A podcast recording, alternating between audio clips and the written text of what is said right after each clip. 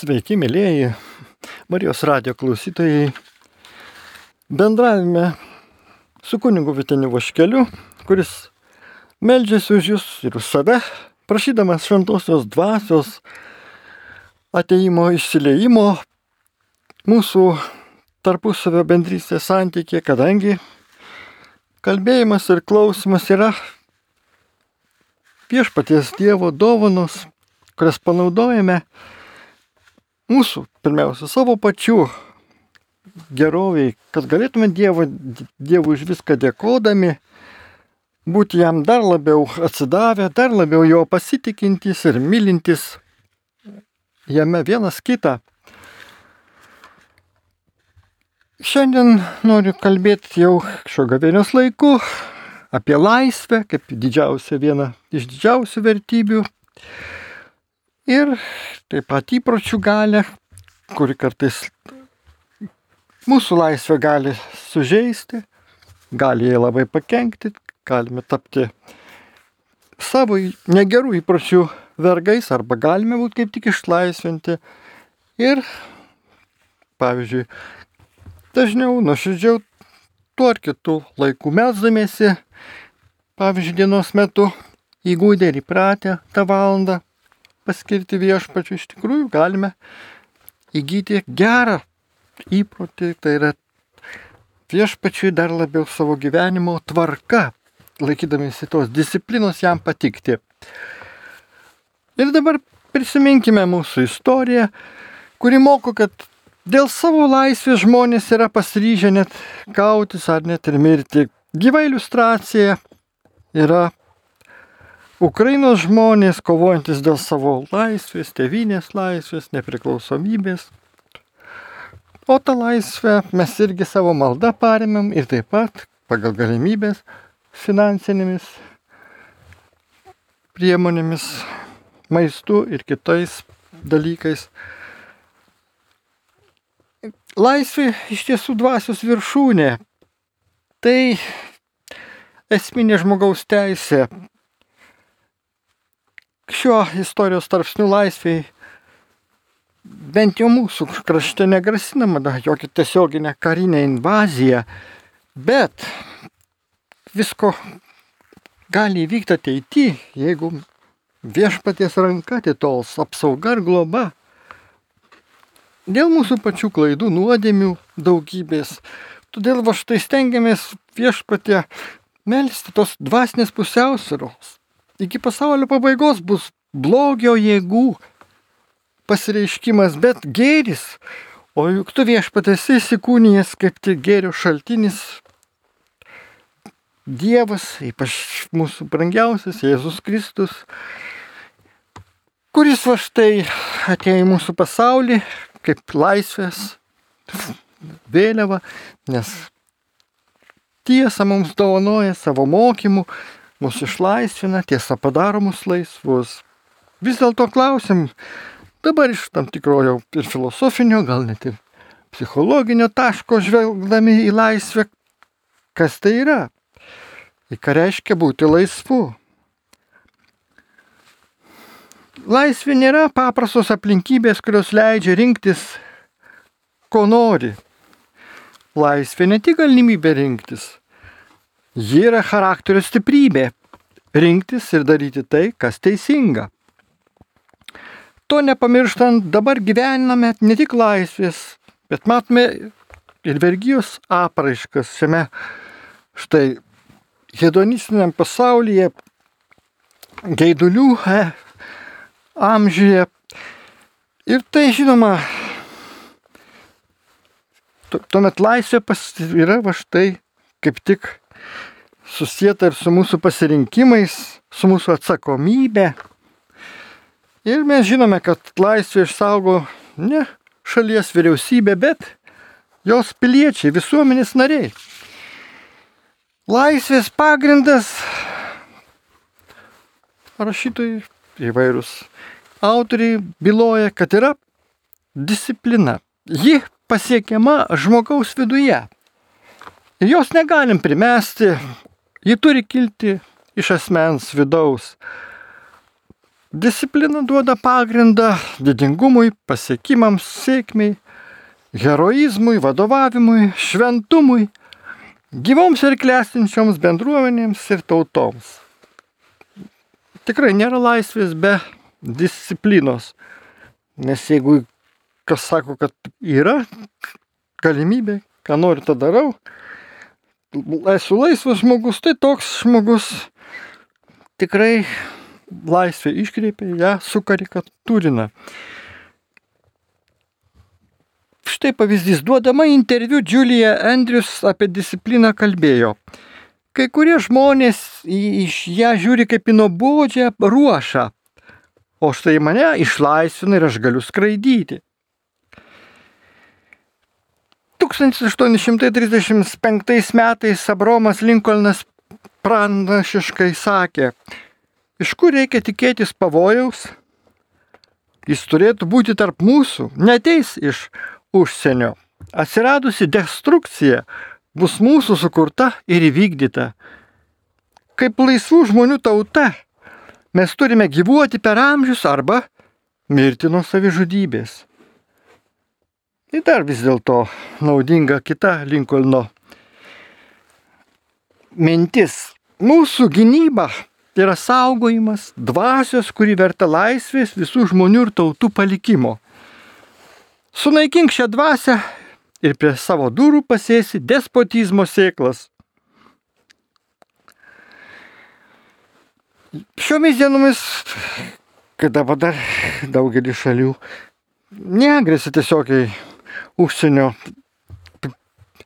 intervencija priešų, mes vis dėlto vis tiek esame savotiški vergai dėl to, kad savo pataikaudami savo ir vergaujame. Nes mes matome, kas mūsų aplinkoje dedasi, kiek kad moderniųjų laiko, laikų žmonės tampa alkoholio, narkotikų, maisto, pornografijos, lošimo, smurto, va, pirkimo vergai. Ir vergėjai ir įpročių komplekso rezultatas, kurio daugelis nenori pripažinti ir nenori jų atsisakyti. O štai mes suprantame, kad įprotis, kaip taip užsiminiau pradžioj, geras įprotis gali kaip tik sustiprinti mūsų savitvardą, darybėmis, mus, mums padėti jų siekti, jas, jomis pasipuošti, bet jinai gali bloga. Va štai tą kartojimo tam tikrą veiksmo gali būti ir įpročio bloga linkmė. Įprotis gali būti laisvės priešas. Per pastaruosius keliarius metus vienam rašytui teko keliauti po Junktinės Amerikos valstijas ir jis rašė, kad nesiliauja žavėjasis, kaip Amerika daro didžiulę ekonominę, kultūrinę, politinę, socialinę įtaką daugelio šalių žmonėms jų jos Amerikos tautos pagrindas yra paprasta, bet praktiška žinia laisvė visiems laisvė.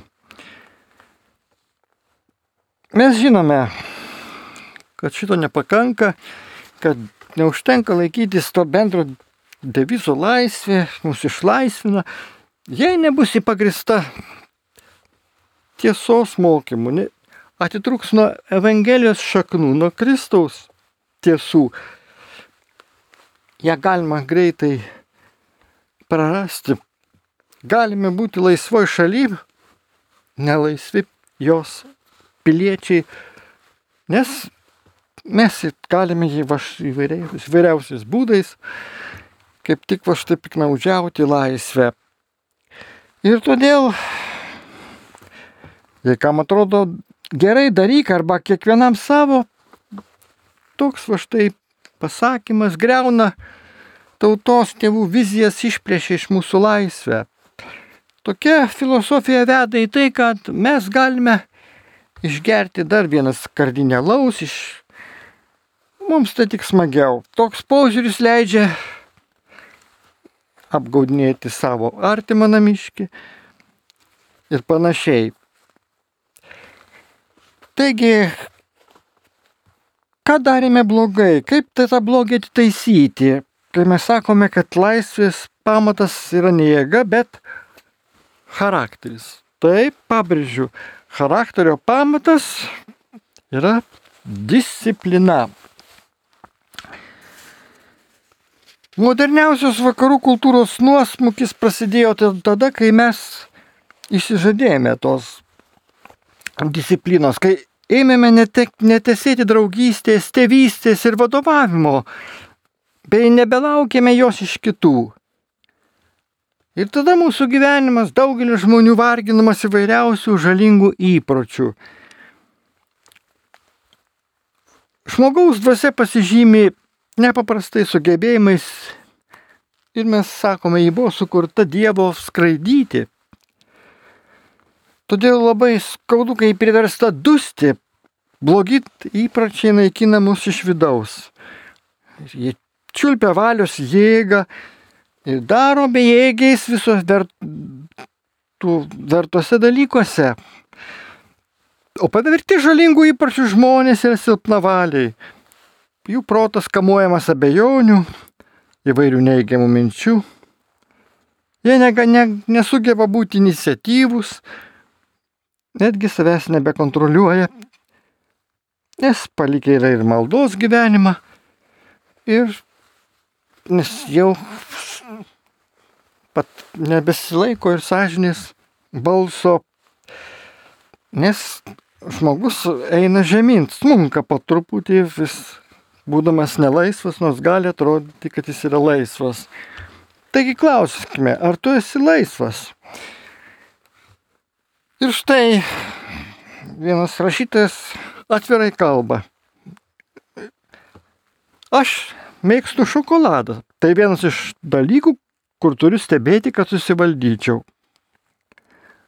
1997 metais Austrijoje kelis mėnesius rašo toliau tas autorius. Gyvenau viename kambarė su jaunu puikiu slovaku Jurajumi. Vieną popietę aš pavargęs ilsėjausi, kai jis netikėtai sugrįžo namo. Gulėjau lovoje, skaitydamas knygą Nežudyk strasdo giesmininko ir valgydamas nedidelį šokoladuką. Manau, kad jis pastebėjo išmėtytus kelių savaičių popierėlius nuo šokolado ir pasakė, tu per daug valgai šokolado. Aš nusišėpęs atsakiau, kad jo teisybė, bet jis paklausė, ar tu, tu nuo jo laisvas? Aš jį dėptelėjau, aš pastebi rašytojas ir jis toliau sako, savo draugui, atsipeikėk žmogau, čia juk tik šokoladas. Jis pažvelgė į mane ir pakartojo, rimtai, ar tu nuo jo laisvas? Nelaukdamas atsakymo, jis pasimė nuo stalo gulėjusią knygą ir sugrįžo į paskaitą. Ir štai pradėjau apie tai galvoti. Negalėjau savo atsakyti, ar esu laisvas nuo šokolado. Jis tapo mano gyvenimo dalimi ir vargu ar pasitaikė porą dienų iš eilės, kad jo nevalgyčiau. Nusprendžiau visą mėnesį nevalgyti šokolado. Na ir prasidėjo.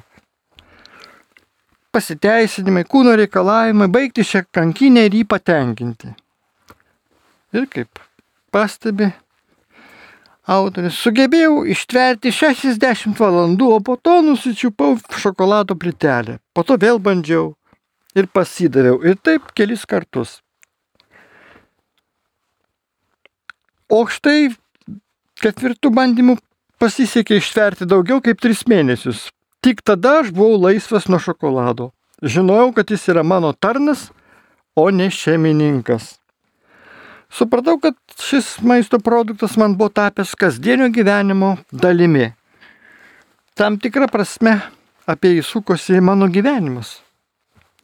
O dabar jis mane džiugina tik retkarčiais, bet labiau negu tada, kai suvalgydavau didelį šokolado luistą. Aš juos skonėjausi. Gal kvailai skamba, bet kai valgydavau nuolatos, nebejusdavau skonio. Tie, kurie turėjote žalingų įpročių ir juos nugalėjote, su malda ypač Dievo pagalba, bendruomenės užtarimo malda, taigi pastebėsite savo mąstymę elgesyje tam tikrų klasikinių simptomų. Jei atrodo, tu turi žalingą įprotį, pabandyk juo atsikratyti. Sakoma, kad kritinis periodas yra 28 dienos. Tik pasakęs žalingam įpročiui ne, išsiaiškinsi, ar tu esi priklausomas. Jei ištversi, vadinasi, tai dar nėra žalingas įprotis įleidęs gilias blogio šaknis. O jeigu ne, tai bus įrodymas, kad tai tau narkotikas. Oldas Hakslis pareiškė, žalingas įprotis yra didėjantis troškimas veiksmo, kuris teikia vis mažiau ir mažiau pasitenkinimo. Visi turime tam tikrų žalingų įpročių, vieni daugiau, kiti mažiau. Kai kurie rimtesni nei polinkis šokoladui, bet poveikis tas pats įpročiai silpnina valią, pastaroji charakterį, kuris menkina sugebėjimą pasiekti sėkmę bei nusilpnina mūsų galimybę tobulėti. Kiekviena gyvenimo sritis yra silpninama žalingų įpročių. Kažkada Mahatma Gandis rašė, jeigu žmogus vienoje gyvenimo srityje elgesi blogai, tai ir kitur jis negali gerai elgtis. Gyvenimas yra nedalyjama vienovė. Tad kaip atsiranda žalingi įpročiai? Tada, kai nueiname lengviausių kelių, kai vadovaujamės moto. Jei atrodo dar gerai, daryk. Ir ką mažiausiai galėčiau padaryti, taip elgdamiesi mes formuojame tam tikrus įpročius ir tai su jais įprantame į destruktyvius elgesio šablonus. Čia reikėtų pastebėti, kad svarbiausia, kad tai, ką sužinome, šias žinias panaudotume savęs tobulinimui. Įpročių jėga gali mums padėti tapti tobulais arba atvirkščiai. Jie mus gali nusmugdyti. Taigi ta pati jėga, bet nuo jos pritaikymo priklausys mūsų gyvenimas. Na, o žiūrint dar giliau ir likimas. Jeigu vaikas susidūrė su nesėkme viską metą nepabaigęs, tai jis neįsi, neįsiugdys ištvermingumo ir jam susiformuos destruktyvus įprotis viską mesti. Tai atsispindės charakteryje, na ir gali būti, kad toks žmogus gyvenime nieko nepasieks.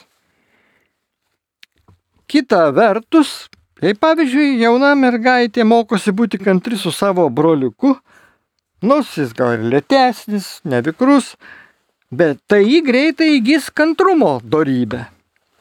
Užaugusi šį jau jauna mergaitė sukurs savo šeimą ir toliau bus kantri, nes tai yra tapę jos tam tikrų gyvenimo būdų ir net ir įpročių.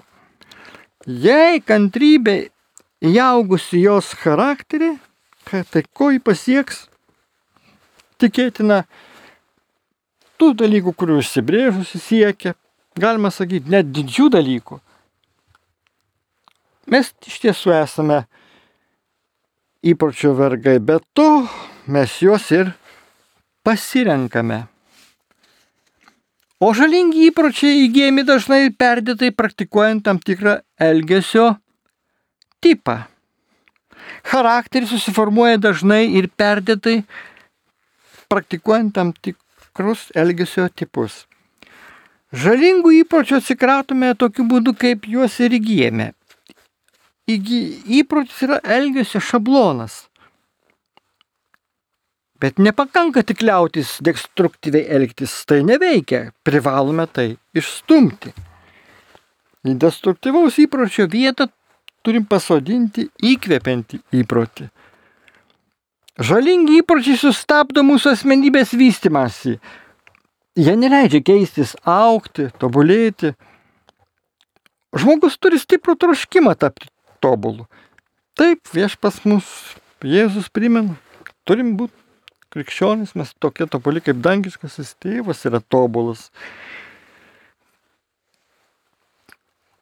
Troškimas yra didelis skatinamasis faktorius.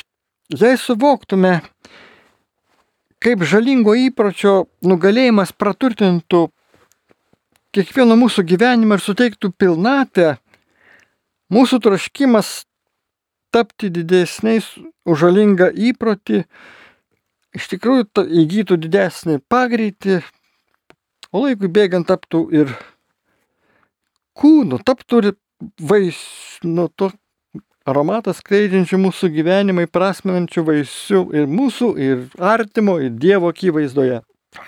Tik visada privalome turėti kryptį.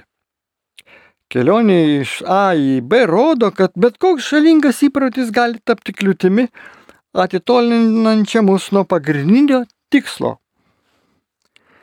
Ir štai, įsitikinę, kad įpročiai mums trukdo pasiekti tobulumą, mes turim pasirinkti kitą strategiją.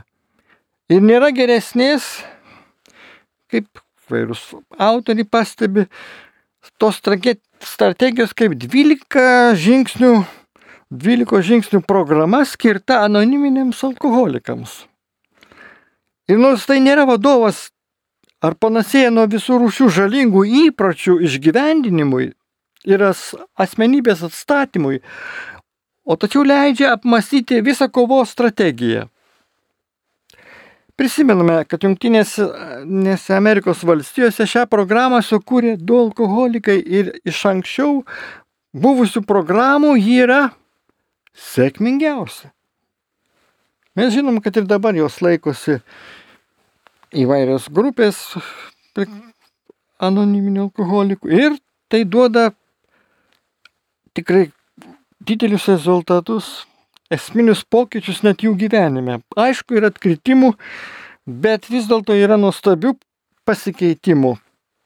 Ir mes to suprasime, dėl ko tai visa vyksta, galėsim net panagrinėti, bet štai dar galiu priminti, kad pradžioje sakoma, kad tie vyrai tapo alkoholikai ir, ir pateikdami 12 žingsnių, jie padeda pažinti ir nugalėti savo priklausomybę.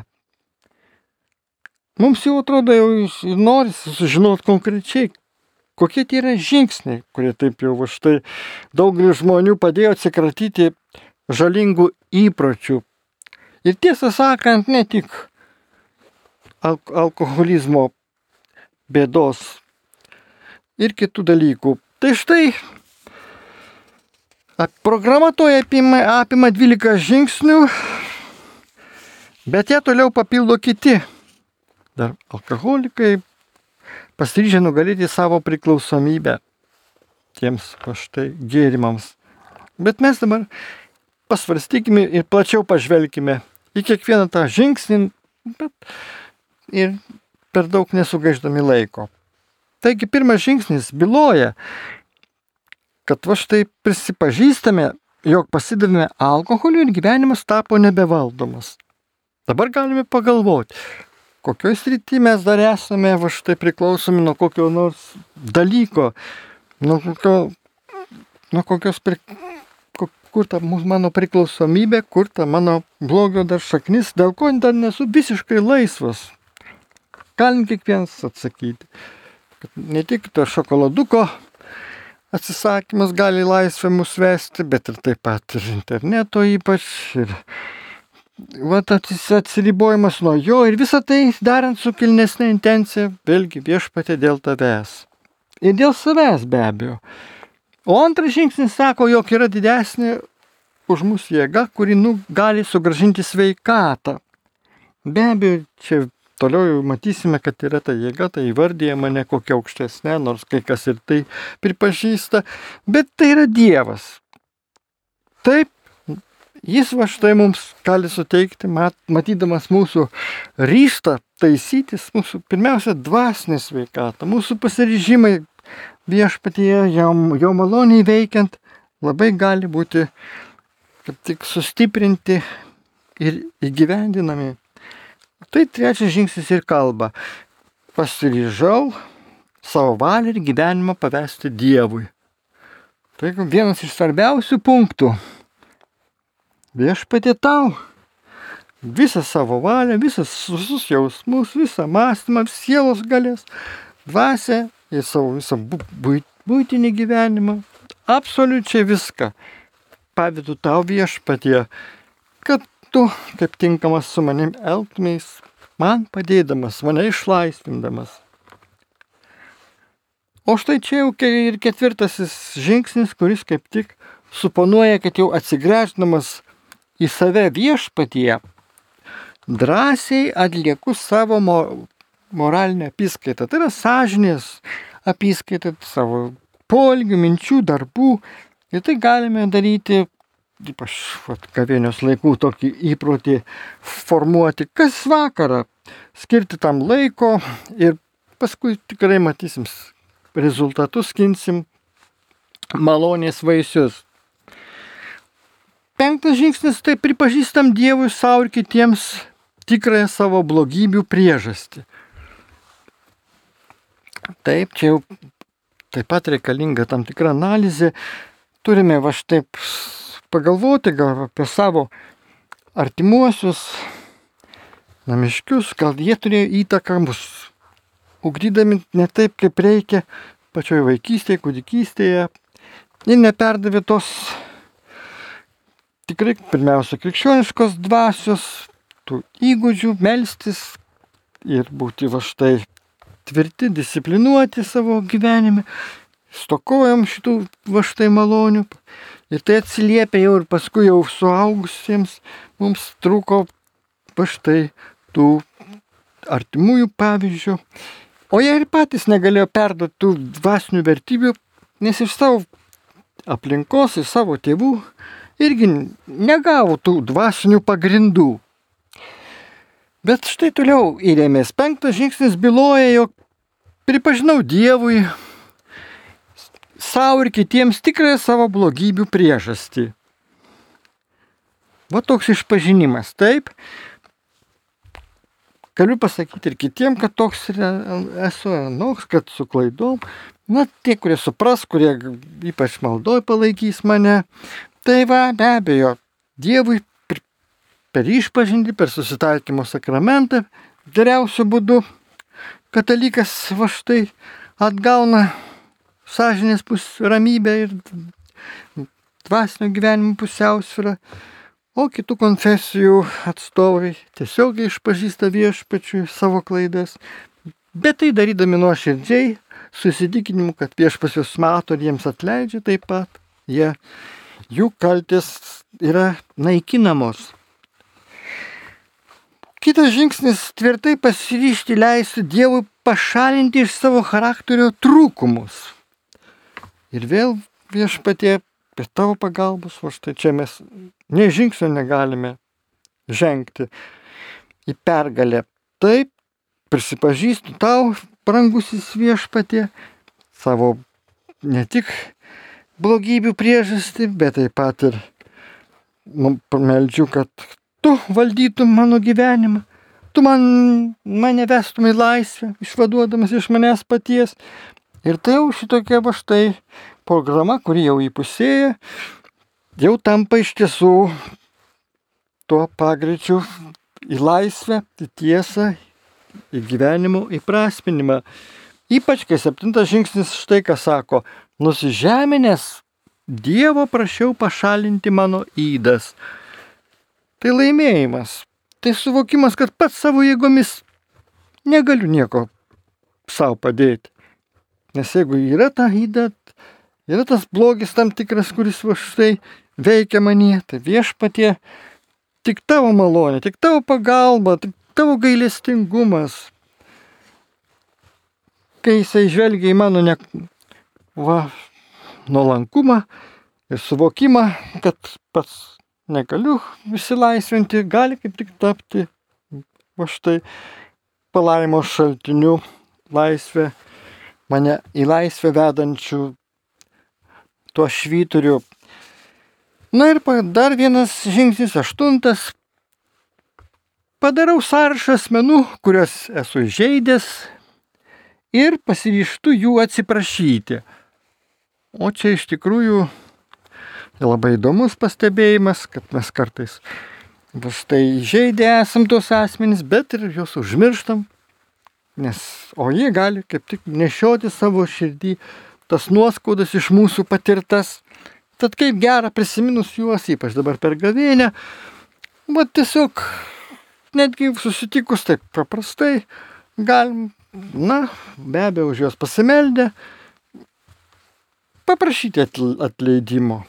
Taip, kad o jie gali nustebti tokį va štai mūsų matydami poelgį, bet tai vis dėlto tai gali ir jiem patiems būti kaip maloniai ženklas, va štai, kad mes juos kreipiamės, kad jie galėtų va štai mums atleisdami dėl savo klaidų mes, kai gailimės ir jie patys va štai galėtų patirti tą atlaidumo dvasę. Be abejo, kitas dar žingsnis sako, kad kai atsiprašau įžeistų žmonių, tai darau maloniai, tai vis dėlto išskyrus tos atvejus, tos žmonės, kurie man atsiprašus dar labiau įsižeistų. Va tuomet kol kas dar jauč, jaučiame, kad nesam pas, pasiruošę kreiptis juos to atleidimo, nes galim sulaukti tik tai neigiamos reakcijos. Tas šitoks numatymas, ypač maldos dvasioje, kad taip gali ir būti, kad gali juos suerzinti, kad va, kažko prašo žmogus, ne, jų akise mes neverti, to jų atleidimo, tuomet šito ir nedarome. Be abejo, toliau maldoje juos palaikome, suprantame, kad tos jų vidinės žaizdos, nenoras atleisti kitiems, šiuo atveju yra jų problemėlė. Ir jiems reikia aukščiausio pagalbos. O dešimtas žingsnis byloja, kad toliau aiškiname save, savo poelgius, motyvus ir matydami dar tam tikras kaltes, jas išpažįstame. Tai va, tai procesas, vyksmas. Nesitaiksom su savo kaltė, nedarom savo nuolaidų ir nepataikaujame savo. Taigi analizuojam savo polgius ir sakom viešpatė, o šitoje ar kitoje srityje reikia taisytis iš to neigiamo įpročio ir brangusis Dieve padėk mums, švenčiausia mergelė Marija, užtarkimus. Dar įdomus ir vienuoliktas žingsnis. Maldos ir meditacijos metu stengiausi pagerinti sąžinės ryšius su viešpačiu jį melsdamas malonės, kad suprasčiau jo norą ir jėgų gaučiau, kad pajėgčiau tai įgyvendinti. Tai va iš tiesų čia jau implikuojama malda ir meditacija, jau va ryšys su viešpačiu, žengiant tolimesnius žingsnius, jau sakoma net į pabaigą, dar lieka tik vienas, paskutinis dvyliktas, o čia vienuoliktame žingsnėje jau va yra tikrai jau palaimos tam tikras šaltinis tekantis per to tikinčio įsilaisvinančio, šiuo atveju be abejo pirmiausia anoniminio alkoholiko širdį ir įsigyja jėgų, kad galėtų tuos pasiryžimus, tuos va žingsnius savo gyvenime pritaikyti. Galėtų žmonės aplinkiniai matydami jo tą pasikeitimą, tą gyvenimo, jo dvasinį virsmą, galėtų ir patys va štai stebėdamėsi Dievo gerumu, žmogaus, va štai valios tų pastangų dėka, tos pokyčius matydami, irgi kažkaip savai taisytis savo požiūris, galbūt kritikavo savo namiškį, va tą, kuris anksčiau išgirinėdavo, bet štai pradėjęs lankyti anoniminę alkoholikų grupę, jau va štai kaip tie pasikeitimai tikrai artimiesiems atveria jų jiems akis ir kad iš tikrųjų žmogus keičiasi maloniai veikiant, tai tada jie patys savo požiūris keičia į tą, kuris neseniai dar buvo ir klaidų kelyje. Ir štai dvyliktas žingsnis byloja, nuėję visus žingsnius supratę jų reikšmę, stengiame šią žinią nešti kitiems. Čia be abejo pirmiausia turime omeny alkoholikams, na mes galim sakyti įpročių vergams, tiems žmonėms, kur, kuriais neseniai patys buvome, taip pat va štai jungą tempėme savo naštos, savo klaidos, kol mus viešpas per mūsų pačių pastangas, ypač per maldą, atsidavimą Dievui, pasitikėjimą juo išlaisvino. Taigi, suprantame, kad visi turėtume žalingų įpročių, va, turime tiesiog net ir būtinybę su jais išsilaisvinti iš jų, nes Mes žinom, ar didesni, ar mažesni, tai neigiami įpročiai, bet tai jų poveikis vis tik yra žalingas. Didysis va, ispanų mystikas vienuolis Šventasis kryžiaus Jonas rašė, ar paukštis pririštas grandinė, ar siūlų jis vis tiek negali skristi.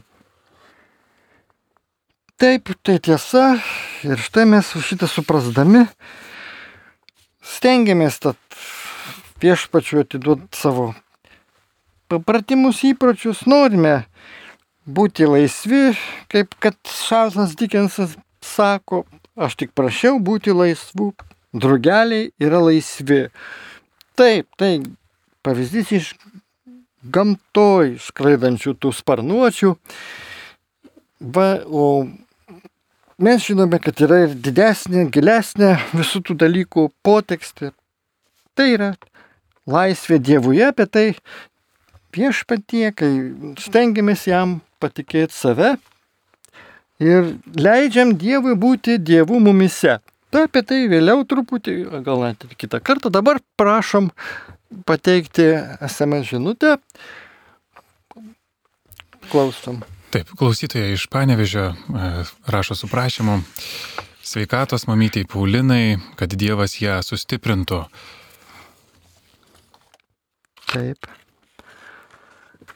Gerai, tada štai, va draugė, vėlgi, Paulin, už Pauliną savo maldą siunčiame patys tikrai negalėdami ko kažko padėti viešpatie, mes suprantame mūsų ribotos jėgos ir be tavęs mes tikrai nepajėgsime pagelbėti šią valandėlę, bet kokia yra malonė prisiminti tave mūsų tarpe esantį, kuris nori, kad mes kreiptumėm, kreiptumėm draugė visiems Marijos radio klausytojai taip pat už Pauliną ir viešpasiai suteiktų tą palaimę, to, tą malonę, tą dovaną, kurios jai šią valandą labai reikia. Viešpatė, palaimink ją, pripildyk, sustiprink, išklausyk mūsų bendrą maldą, nes tai yra jėga, kai ne vienas, o daugiau mūsų melžiasi tą pačią intenciją ir prašo pagalbos.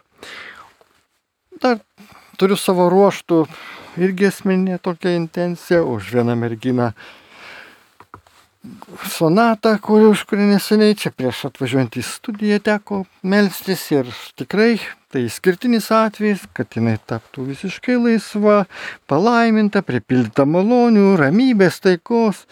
Na, va, iš tiesų, čia reikalinga ir mūsų dar pagalba, tegul tai patiria tą paramą, tą pagalbą, tai atlieka artimiausių laikų išpažinti nuo širdžiai, tai duoda viešpas ją jėgų, nes dabar yra tam tikras labai didelis nusilpimas, todėl viešpatė tik tu gali ją sustiprinti, o aš labai dėkingas esu visiems Marijos radio klausytojams, kurie prisiminsite sonatą maldose. Ir viešpas tai bus, tai lydi mūsų žingsnius, tai skatina mus tol būti tais laisvais žmonėmis, kurie primam viešpatie savo širdis, nes mūsų viešpas yra laisvės fakelas. Tad leisk, brangus klausytojai, jam daryti tai, ką jis nori daryti tavyje. Bet kokiu atveju jis tai ir padarys, ar net tu sutiksi su juo ar ne, tad verčiau duoti jam savo palaiminimą. Tai jis tiesiogiai veiks, tada mūsų gera valia su jo gera valia sutinkanti, tiesiausių kelių tos gyvuosius vandenius mums išlies.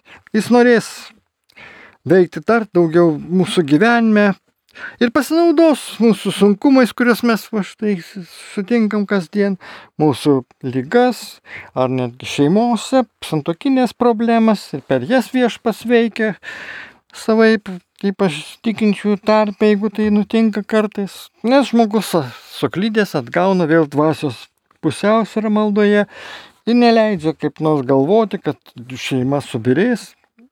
Jokių būdų.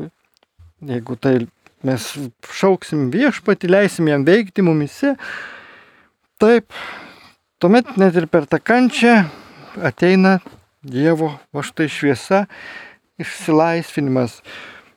Nu, todėl geriau kentėti, kaip autorius vienas sako, geruoju taip, kaip tau šiuo metu lemta leisk Dievui laisvai būti tavo dievų sunkumuose, išbandymuose. Nes jis yra didesnis nei bet kokia tavo bėda. Taip, jis yra tas, kuris žino, kurio būdu mus vesti. Jis yra tikrai laisvės įsikūnymas, jis didingesnis už mūsų norus, už kartais vienadienius sprendimus. Ir atsiminkime, jis yra didingesnis vien dėl to, kad visiškai laisvas yra. Ir be galo išmintingas, absoliuti išmintis tiesiog. Tai o toks pasitikėjimas, o toks ap apmąstymas viešpatis ir žmogaus santykio, taigi mus skatina suvokti, kad, kad mes galime jam atverti savo širdies duris kelyje į laisvę. O jei tavo Dievas nėra laisvas daryti, kas jam patinka su tavo gyvenimu, tuomet jis negalės išlaisvinti tavęs. Kokia be būtų tavo situacija. Ir todėl vietu turėsi reikalą su sąlygotu Dievu. Tokiu, kuris tau yra tikras tik tuomet, kai tau vaikai gerai elgesi, tau skolos sumokėtos, o lygos išgydytos. Tavo karalius bus vien tik dangaus karalius, bet ne žemės. Tad saugok mus Dieve nuo tokio siauro, nekingo tavo pakaitalėlio. O juk Dievas ketina timti kartais net iš tavęs, juk ir darbą, pinigus, reputaciją leidžia per tam tikras aplinkybės ir ką tada sako dvasiniai autoriai. Na tuo metu, kai tai vyksta, jau nebegalim sustabdyti to proceso, taigi ir, ir leisk jam ir dar daugiau. Jis nori sėdėti viršuje su visais atsakymais, o mes va štai kartais beviltiškai kovojam su savo nežinojimu, su savo problemomis. Leisk jam veikti laisvę. Tai baigiam šią laidą ir viešpaties malonių gausos linkiu visiems klausytojams kad gyventume su Dievu, patirtume laisvę, kovotume su savo neigiamais įpročiais, formuotume gerus ir žengtume tikėjimo keliu iš pergalės į pergalę. Būkite palaiminti, brangus Marijos radio klausytojai. Prie mikrofono buvo kuningas Vitenis Vaškelis. Sudėv.